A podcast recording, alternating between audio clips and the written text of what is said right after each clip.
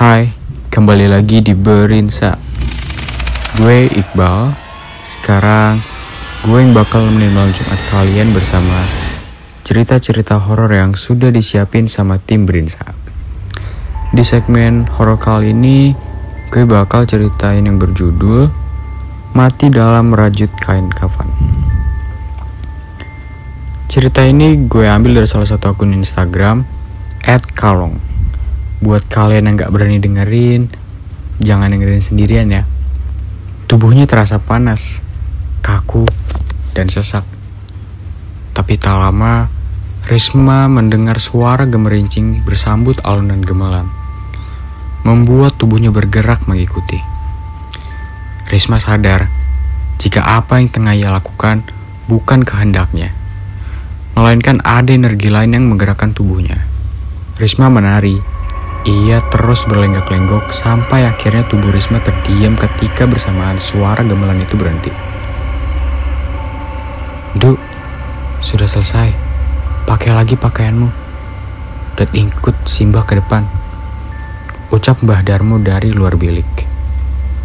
Mulai sekarang, sudah ada yang membantumu. Kodam itu akan melakukan apa pun yang kamu suruh, Nduk. Kata Mbah Darmo sembari menjulurkan tangannya memberikan sebuah kotak kayu pada Risma. Ini apa mbah? Tanya Risma sembari perlahan membuka kotak kayu pemberian Mbah Darmo. Itu isinya rajutan boneka kafan yang sudah Simbah bacain mantra. Kamu sudah paham, Duk, cara pakainya? Tanya Mbah Darmo. Risma mengangguk. Mudah saja, seperti pada film-film horor yang pernah ia lihat.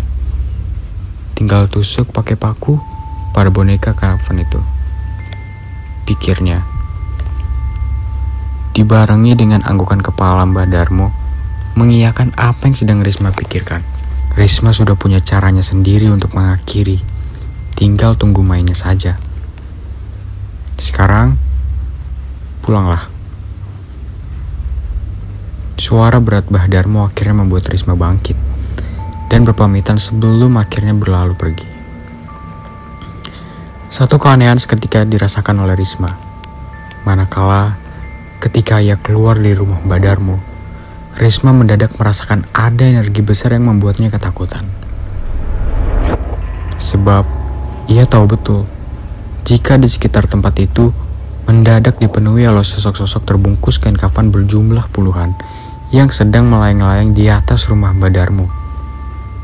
Tak hanya itu saja, hilir mudik dari beberapa sosok layaknya sebuah perkampungan semakin membuat Risma ketakutan. Buru-buru Risma menghidupkan motornya dan segera menarik tuas gas, meninggalkan perkarangan rumah Mbak Darmo. Sampai tiba di ujung jalan, lagi-lagi Risma dikejutkan oleh satu pemandangan menakutkan, di mana tepat di depannya puluhan sosok wanita dan lelaki berpakaian compang-camping berbaris di bawah pohon. Risma yang sudah dipenuhi rasa takut terus melajukan motornya. Ia tak berani menoleh apalagi berbalik. Seumur hidupnya, Risma belum merasakan rasa takut ini. Sampai membuat tubuhnya seolah mati rasa. Dari mana, Duk? Kok jam segini baru pulang? Pertanyaan itu pertama kali Risma dengar sesaat setelah ia masuk ke dalam rumah.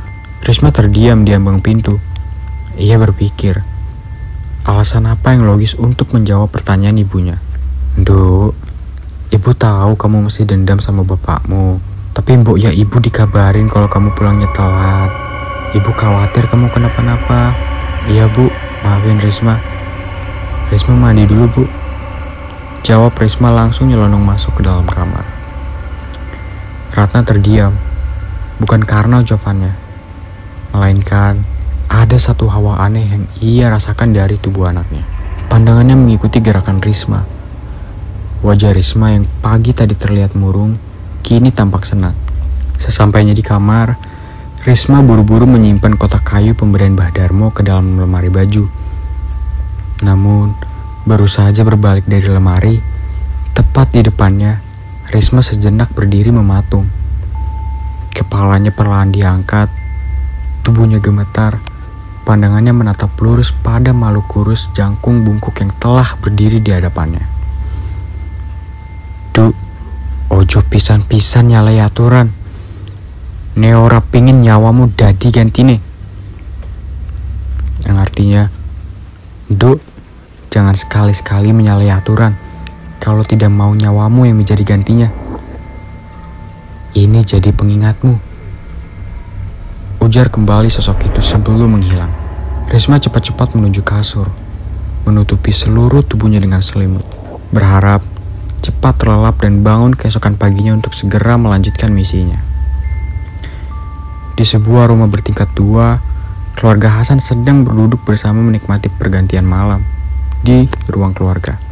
Mereka tertawa, saling berbagi cerita sembari menonton televisi.